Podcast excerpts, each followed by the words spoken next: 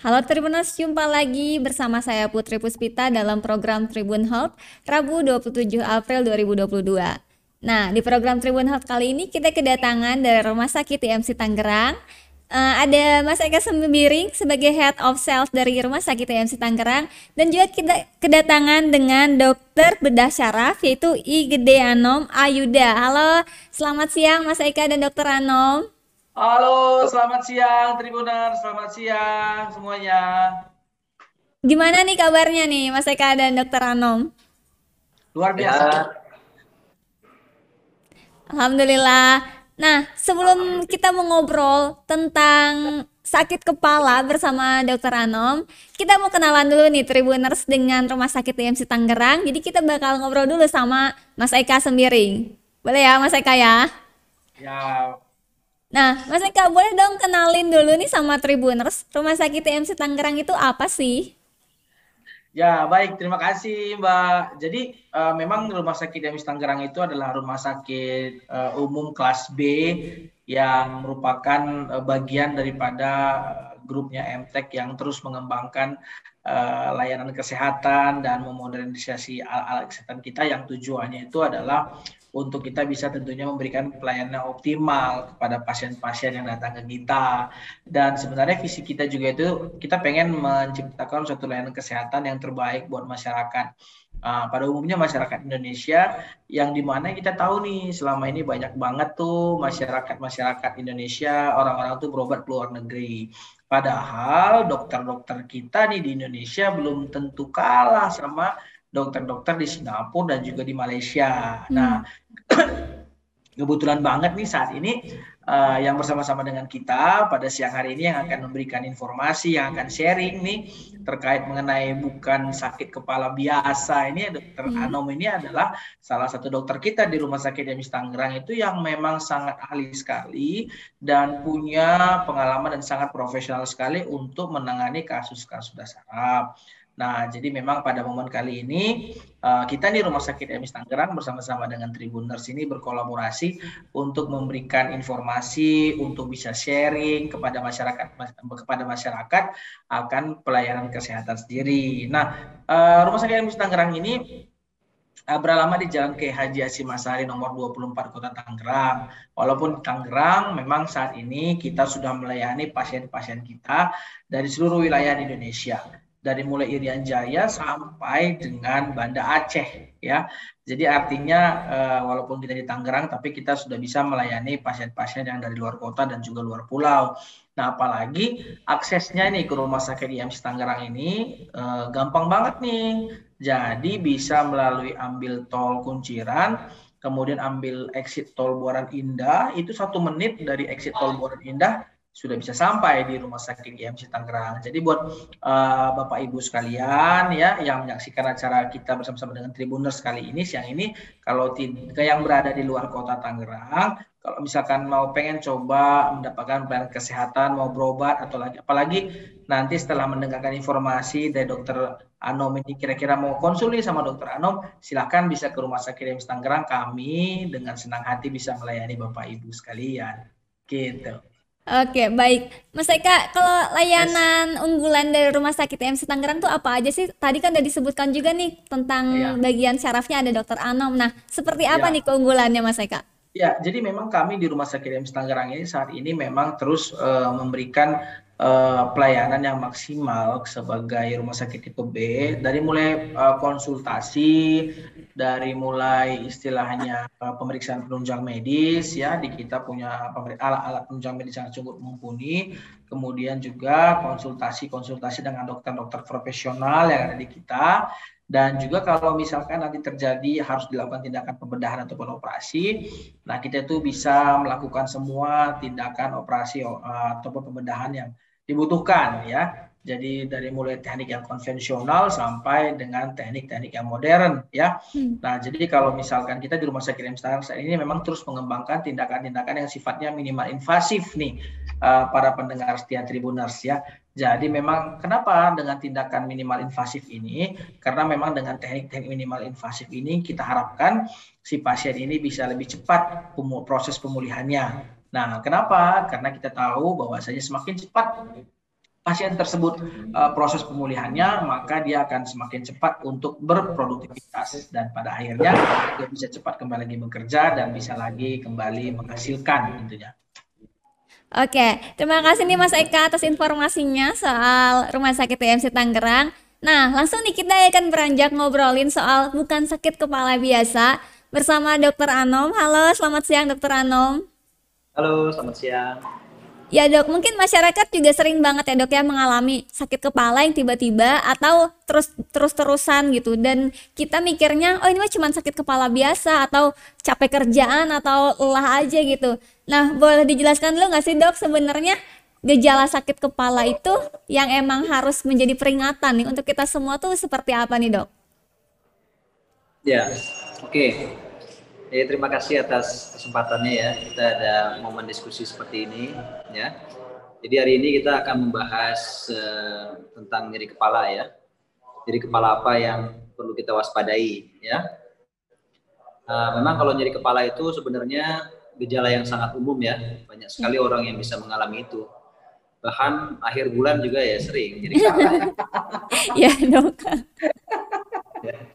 Cuman pertanyaannya kemudian uh, nyeri kepala bagaimana yang perlu dicurigai gitu ya. Yeah. Nah, ada beberapa ciri ciri-ciri nyeri kepala yang khas yang bisa menggambarkan kemungkinan terjadinya sesuatu yang bukan nyeri kepala biasa ya. Yeah. Nah, yang pertama kita itu harus waspada kalau nyeri kepalanya itu uh, seiring waktu itu bertambah berat ya. Misalnya nih, sekarang dia nyeri kepalanya itu anggaplah dari skala 1 sampai 10 dia mengalami tiga ya. Tapi seiring waktu seiring bulan bahkan seiring tahun itu tambah naik tuh. Dari tiga ya terus dia ngerasain jadi lima jadi tujuh jadi sepuluh. Hmm. berarti itu ada intensitas yang bertambah di daerah kepala yang menyebabkan jadi kepalanya itu bertambah. Nah hal itu apa? Yang paling sering ya tumor otak ya. Hmm, Jadi kalau ada yang mengalami nyeri kepala kronis progresif, istilahnya itu kronis progresif ya, jadi kepala yang terus menerus dan bertambah berat itu patut dicurigai ya. Seorang itu bisa mengalami uh, kelainan tumor otak itu satu. Yang kedua uh, nyeri kepala yang uh, teramat sangat ya. Jadi bukan nyeri kepala yang biasa aja tapi luar biasa. Istilahnya itu kayak bahasa Inggrisnya itu thunderclap gitu ya. Jadi kayak kena serangan petir gitu tiba-tiba nyeri banget gitu. Hmm. Itu bisa jadi adalah suatu perdarahan eh, di otak ya. biasanya itu perdarahan selaput otak tuh nyeri kepala khasnya seperti itu.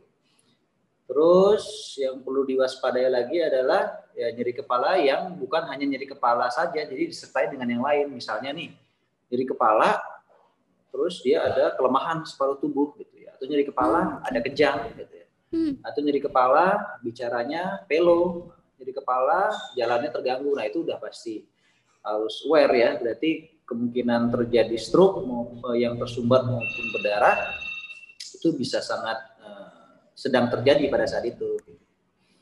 Mungkin ya reviewnya uh, secara umum seperti itulah. Jadi nyeri kepala nyeri kepala yang cukup khas ya menggambarkan kondisi kondisi-kondisi terkait ya. Iya. Dokter, uh, kalau misalnya nih, ibaratnya kalau kita siang-siang kepanasan, terus kan suka sakit kepala, berarti kalau yang seperti itu masih wajar ya dok ya?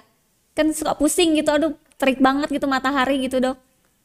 Ya, itu itu sebenarnya kalau hal yang seperti itu sih nyeri kepala yang umum ya. Siapa saja bisa mengalami. Jadi triggernya jelas kan, dia habis kepanasan, berjemur, hmm. kemudian bisa nyeri kepala bisa. Cuman seiring waktu itu kita harus aware juga, seiring usia terutama hmm. eh, berhubungan sama tensi kita, kemudian eh, gula darah, kolesterol itu harus eh, di screening juga ya. Jangan sampai kita lupa oh ternyata pola hidup juga nggak dijaga, olahraga nggak ada, ternyata kolesterol kita tinggi, tekanan darah kita tinggi, ada perlunya untuk di screening juga dicari tahu. Kalau itu semua bagus ya, gula darah hmm. ternyata bagus, kemudian eh, eh, apa namanya tensi kita bagus ya, kolesterol bagus, eh, ya, ya sudah, berarti emang jadi kepala biasa saja, gitu ya. Oke. Okay. Dokter tadi kan juga disebutkan kalau misalnya ternyata si sakit kepala itu juga bisa mengarah ke uh, tumor otak gitu dok. Nah ya. kalau udah sampai ke fase itu tuh memang uh, ciri-cirinya seperti apa sih dok? Ya seperti yang tadi saya bilang ya, jadi kepala khas pada tumor otak itu uh, dia itu bahasa medisnya uh, kronis progresif ya. Kronis itu artinya terus menerus. Oh, okay. dia mengalami nyeri kepala yang tidak pernah hilang ya. Mungkin sekali waktu dia menghilang tapi muncul lagi dan semakin berat dari yang awalnya dia cuma rasakan uh, misalnya skala 1 sampai 10 3 ya seperti hmm. saya bilang tadi tapi seiring waktu terus bertambah tuh makin berat makin berat makin berat apalagi uh, ditambah dengan keluhan-keluhan yang berhubungan sama otak yang tertekan sama tumor otak itu ataupun otak yang menjadi tumor otak itu ya bisa dia kelumpuhan, gangguan bicara ya. Hmm. Uh, intinya defisit neurologis lah, ada gangguan pada sistem sarafnya dia. Apalagi ada kejang gitu ya. Hmm. Kalau yang lebih berat lagi sampai turun kesadaran, nah itu harus diwaspadai. Nyeri kepala yang tidak biasa ya. berarti itu. Ya. ya. Nah dok, biasanya kan kalau masyarakat masih kurang gimana ya, kurang ngerti gitu ketika sakit kepala tuh ini sakitnya di bagian mana dan apakah ini udah memang harus segera periksa ke dokter atau enggak sih? Nah biasanya dok yang datang ke dokter tuh pasiennya yang memang udah apa ya, yang udah kronis banget sih sakit kepalanya atau mereka nah, udah punya biasanya, kesadaran? Ya. Biasanya itu masyarakat itu biasanya sih kecenderungannya emang seperti itu kita sampai hmm. sampai sejauh ini ya seperti itu jadi biasanya datang itu udah kondisi yang udah berat gitu ya oh, okay. sebenarnya kalau di luar negeri nggak usah jauh-jauh deh yang saya tahu tuh di Jepang atau misalnya ya itu di atas 30 tahun orang-orang itu udah rutin screening MRI kepala MRI MRA hmm. gitu ya jadi cari tahu kepala saya ini aman nggak sih brainnya vaskularisasinya aman nggak sih jadi kalau ada kelainan-kelainan yang kemungkinan akan muncul itu udah ketahuan dari awal dan penanganannya itu akan jauh lebih baik dibandingkan yang udah telat gitu loh. Hmm. Dibandingkan yang udah datang, uh, misalnya nih tumor, tumornya udah gede gitu ya. Hmm. Dibandingkan yang datang masih kecil itu lebih lebih gampang dikerjakan atau misalnya nih ada aneurisma, dia ketahuan dari sebelum pecah gitu ya. Hmm. Dibandingkan yang udah pecah baru datang masuk IGD udah turun kesadaran wah itu udah kemungkinan uh, istilahnya quality of life-nya udah pasti terganggu gitu loh. Nah, okay. itulah pentingnya kita hmm. harus menyadari bahwa uh, screening itu salah satunya untuk kepala jangan dilupakan. Jadi brain brain screening itu sebaiknya harus dilakukan lebih awal gitu ya. Hmm. Sarannya sih umur 30 40 tahun ke atas itu baiknya screening aja MRI MRA. Dan MRI itu sebenarnya kan sumbernya dari uh, ultra ultrasound ya jadi dia relatif atau bahkan mungkin tidak berisiko dibandingkan CT scan ya kalau CT scan kan radiasi jadi eh, nggak uh, ada salahnya lah screening kepala screening brain gitu ya hmm. Oke, berarti uh, Tribuners ketika misalnya kita sudah mengalami gejala kayak sakit kepala dan uh, udah nggak nggak biasa nih, kita memang harus segera periksa ke dokter dan tadi ya bisa proses screening itu ya dok ya? Ya. Oke. Okay. Uh, dokter ini juga bingung nih antara tumor otak dan kanker otak tuh sebenarnya ada bedanya nggak sih dok? Oke, jadi itu istilah aja ya. Mm. Orang kalau bilang tumor sebenarnya mau tumor di mana aja termasuk tumor otak. Jadi pengertian secara umumnya tumor itu adalah pertumbuhan sel yang abnormal ya. Jadi sel tubuh kita itu kan sebenarnya dia bertumbuh terus. Tapi pada kondisi tumor dia itu tumbuhnya itu berlebihan gitu loh sehingga hmm. menjadilah gumpalan daging itu yang disebut dengan tumor. Nah itu kalau yang terjadi pada otak ya tumor otak namanya. Hmm. Kemudian apa yang disebut dengan kanker? Kanker itu adalah tumor yang ganas. Apa bedanya e, ganas sama yang jinak kan begitu? Nah, bedanya kalau yang ganas itu dia lebih invasif. Hmm. Tumbuhannya super cepat ya, dan bisa menyebar. Ya. Kalau tumor otak, kalau kanker otak sendiri sih sebenarnya secara teori hampir jarang dia dari dari dari kepala itu bisa keluar walaupun bisa ya jarang banget. Seringkali yang menjadi di kepala itu dia dari yang luar biasanya kanker paru, kanker usus ya, oh, kalau yang cowok misalnya kanker prostat. Hmm. Jadi kanker kepalanya itu dapat dari luar istilahnya metastase. Nah, itu bedanya antara tumor sama kanker. Tumor itu jinak, kanker hmm. itu ganas. Nah, biasanya tumor kalau dengan pembedahan aja kalau bisa diambil semua hmm. selesai dia apa namanya penanganannya. Tapi kalau kanker biasanya dia perlu tindakan lanjutan lagi tuh, bisa radiasi atau kemoterapi. Ya. Oke, berarti kalau misalnya si tumor otak ini masih ada kemungkinan bisa sembuh ya dok ya kalau dalam proses pengobatan? Ya benar sekali. Makanya sebenarnya ya tumor otak itu lebih banyak yang jinak loh dibandingkan yang ganas. Uh, terutama pada wanita ya ada jenisnya mm-hmm. meningioma itu kalau itu ketahuan lebih awal itu tumbuhnya cuma dari selaput otak loh otak itu cuma ketekan aja itu ketahuan awal bisa diambil total dia bisa sembuh seperti sedia kala karena otaknya cuma ketekan aja Hmm. Kalau yang ganas-ganas itu yang tumbuh dari otaknya itu sendiri ya bagian otaknya sudah rusak, nah itu biasanya prognosisnya agak jelek. Misalnya kalau pernah dengar glioblastoma atau GBM itu salah satu kanker otak ya yang memang tumbuh dari sel otak yang sifatnya ganas, nah itu agak agak sulit itu penanganannya. Kalaupun misalnya sudah dioperasi, diradiasi, di kemoterapi, dalam setahun itu bisa recurrent lagi. Nah, tapi kalau yang jinak hmm. bisa terabil total, itu bisa sembuh seperti sedia kala bahkan hampir nggak ada gejala sisa gitu. Oke. Okay. Nah itu yang perlu dipahami oleh masyarakat. Hmm. Jangan berkecil hati dulu kalau difonis mengalami tumor otak gitu ya. Sebenarnya banyak sekali jenis tumor otak dan sebagian besar itu sebenarnya jinak gitu loh. Konsultasikanlah dulu hmm. kondisi anda, misalnya kalau uh, difonis tumor otak, uh, ini jenis tumornya apa, jinak apa ganas, lokasinya di mana, kira-kira bisa terambil semua apa tidak Nah, kalau bisa terambil semua ya harapan hidupnya tentunya sangat tinggi ya bahkan bisa kembali normal seperti sedia kala tidak seperti nggak ada tumor otak sebelumnya gitu ya. Oke. Okay. Nah, kalau tumor otak ini tuh memang apa ya dok ya karena keturunan atau seperti apa sih dok? Kenapa bisa muncul gitu? Ya, uh, untuk tumor otak sendiri sampai sejauh ini ya itu masih terus diteliti ya. Uh, yang sudah pasti terbukti bisa menyebabkan tumor otak itu baru satu sebenarnya dari sekian banyak faktor yang kita identifikasi. Apa itu? Itu sinar eh, apa? Radiasi ya, radiasi. Okay. Jadi hmm. Misalnya nih eh, kalau pernah tahu eh, zat-zat radioaktif, eh, anggaplah misalnya di daerah Jepang tuh yang pernah kena bom nuklir itu kayak di Hiroshima Nagasaki itu ya, itu kan radiasi, zat radiasinya tinggi tuh Nah, itu bisa salah satu bisa menyebab sebagai faktor risiko tumor otak. Kemudian sinar X yang berlebihan yang biasa kita pakai ronsen itu, mm-hmm. itu kalau berlebihan juga berlebihan ya. Dia kan yeah. ada fungsi medisnya juga untuk melihat foto kan. Tapi kalau berlebihan, paparannya terlalu berlebihan, itu bisa juga menyebabkan tumor otak. Beberapa genetik ada yang diturunkan untuk menyebab menyebabkan tumor otak, tapi tidak mm-hmm. selalu, tidak semuanya ya. Ada beberapa yang bisa. Nah selebihnya ya sudah e, memang e, sejauh ini dia masih multifaktorial terjadi begitu saja gitu loh. Pada orang kena tumor otak. Jadi belum ada faktor risiko yang signifikan sekali. Misalnya nih orang setiap hari di rumah nggak ngapa-ngapain kok bisa kena tumor otak itu ya dia mau kena iya. radiasi dari mana, radioaktif dari mana. Ya sudah memang dia hmm, variasi variasi apa namanya variasi selnya dia memang e, bisa terjadi tumor otak gitu. Jadi belum ada faktor resiko yang spesifik kalau kita diminta menjelaskan orang yang nggak ngapa-ngapain kok bisa kena tumor otak gitu. Ya. Oke. Okay. Berarti apakah ada kayak faktor khusus nggak sih dok kalau ketika terkena tumor otak terus jadi kayak jadi memperparah si kondisi gitu dok? Seperti apa? Uh, ya sebenarnya kalau sudah pernah terkena atau sedang mengalami tumor otak ya apa pun itu yang yang bersifat istilahnya itu oksidatif stres ya. Hmm. Sebenarnya untuk semuanya sih bukan tumor otak aja ya, buat semuanya ya.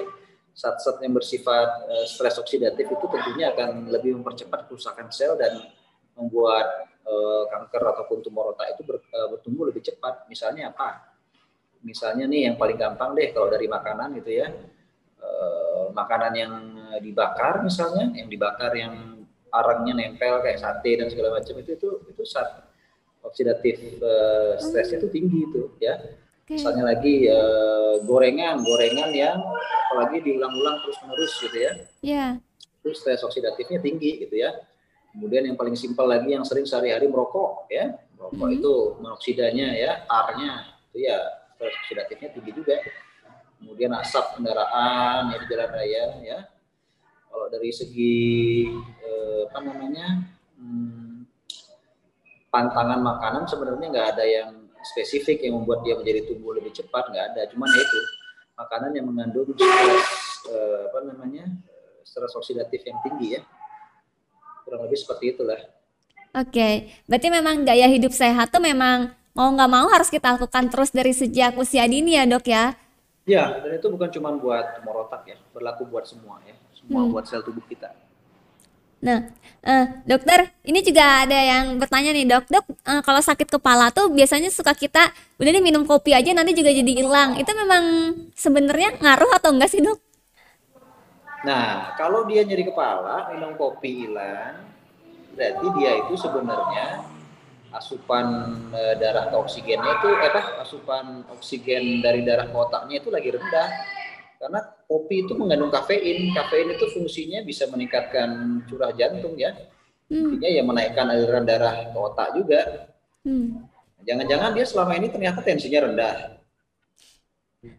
Okay. Jadi dia nyeri kepala pusingnya karena tensi rendah, begitu minum kopi enakan gitu. Jadi aliran darah ke otaknya meningkat. Gitu.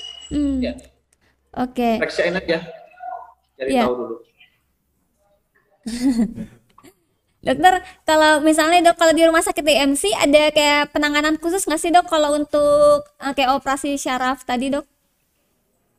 Ya, kita sudah uh, sudah mumpuni sekali di DMC itu terutama untuk diagnostiknya ya seperti yang kita bilang tadi tidak semua rumah sakit punya MRI ya AMC salah satunya yang punya MRI dan itu merupakan uh, salah satu diagnostik yang paling penting ya dan standar harus kita kerjakan untuk menangani tumor otak ya.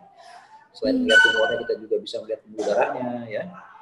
Nah, kemudian ya kalau nanti ternyata ditemukan uh, kelainan, ya kita bisa lakukan tindakan uh, sesuai dengan uh, kelainan yang ditemukan dari hasil MRI itu, MRI ya. Hmm.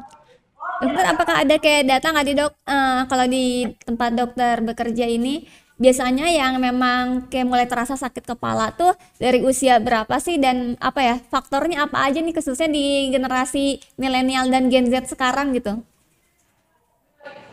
Ya, kalau sebenarnya e, dari segi usia itu tidak pernah ada patokan orang bisa terkena anggaplah misalnya kita membahas dari kepala yang berhubungan sama tumor ya. Ya. Itu di setiap usia bisa terjadi bahkan dari baru lahir oh. itu ada yang sudah terkena tumor otak ada hmm.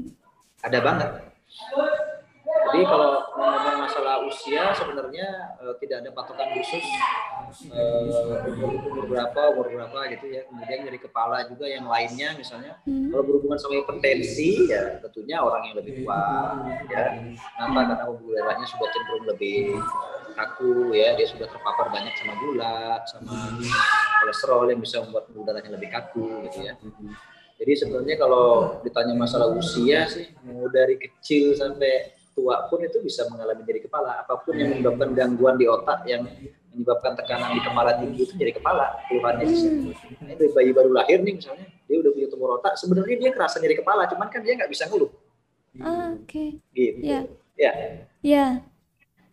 Uh, dokter ini juga kan uh, mungkin nih Tribuners belum banyak yang tahu. Ada sebenarnya di kepala kita ada bagian-bagian yang ada artinya gitu ketika sakit kepala. Kayak misalnya kalau sakit kepala di bagian belakang artinya apa? Kayak migrain artinya apa? Nah boleh dijelaskan nih dok sama Tribuners. Oh ya nah, itu tadi kalau ternyata ya setelah di screen setelah di screening itu tidak ada permasalahan struktural dari otak ya tumor kah, kelainan pembuluh darah kah, aman semua gitu ya.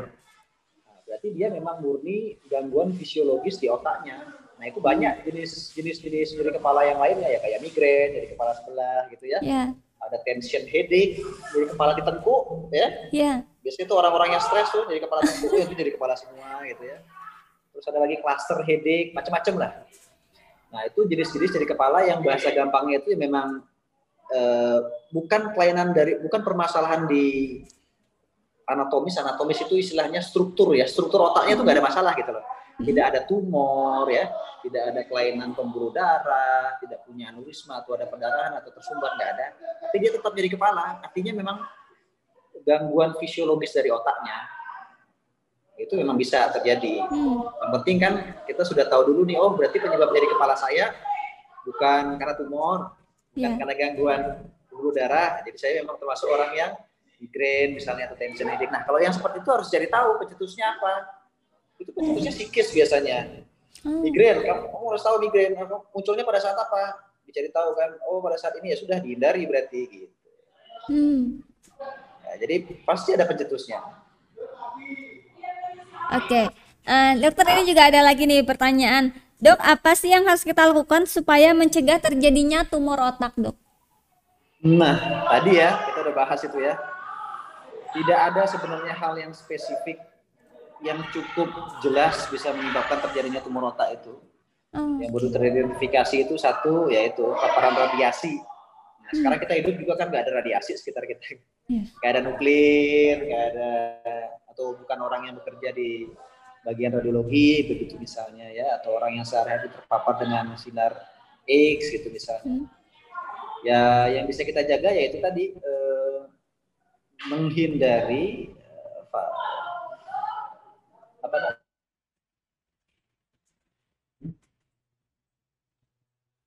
namanya memang bisa menyebabkan sel itu bisa berubah dia terpacu untuk berubah ya dan itu bukan untuk sel sel otak aja buat semuanya gitu ya. Hmm. Seperti kita bahas tadi juga, misalnya dari makanan kah, dari rokok kah, atau dari paparan e, debu atau kendaraan bermotor gitu ya.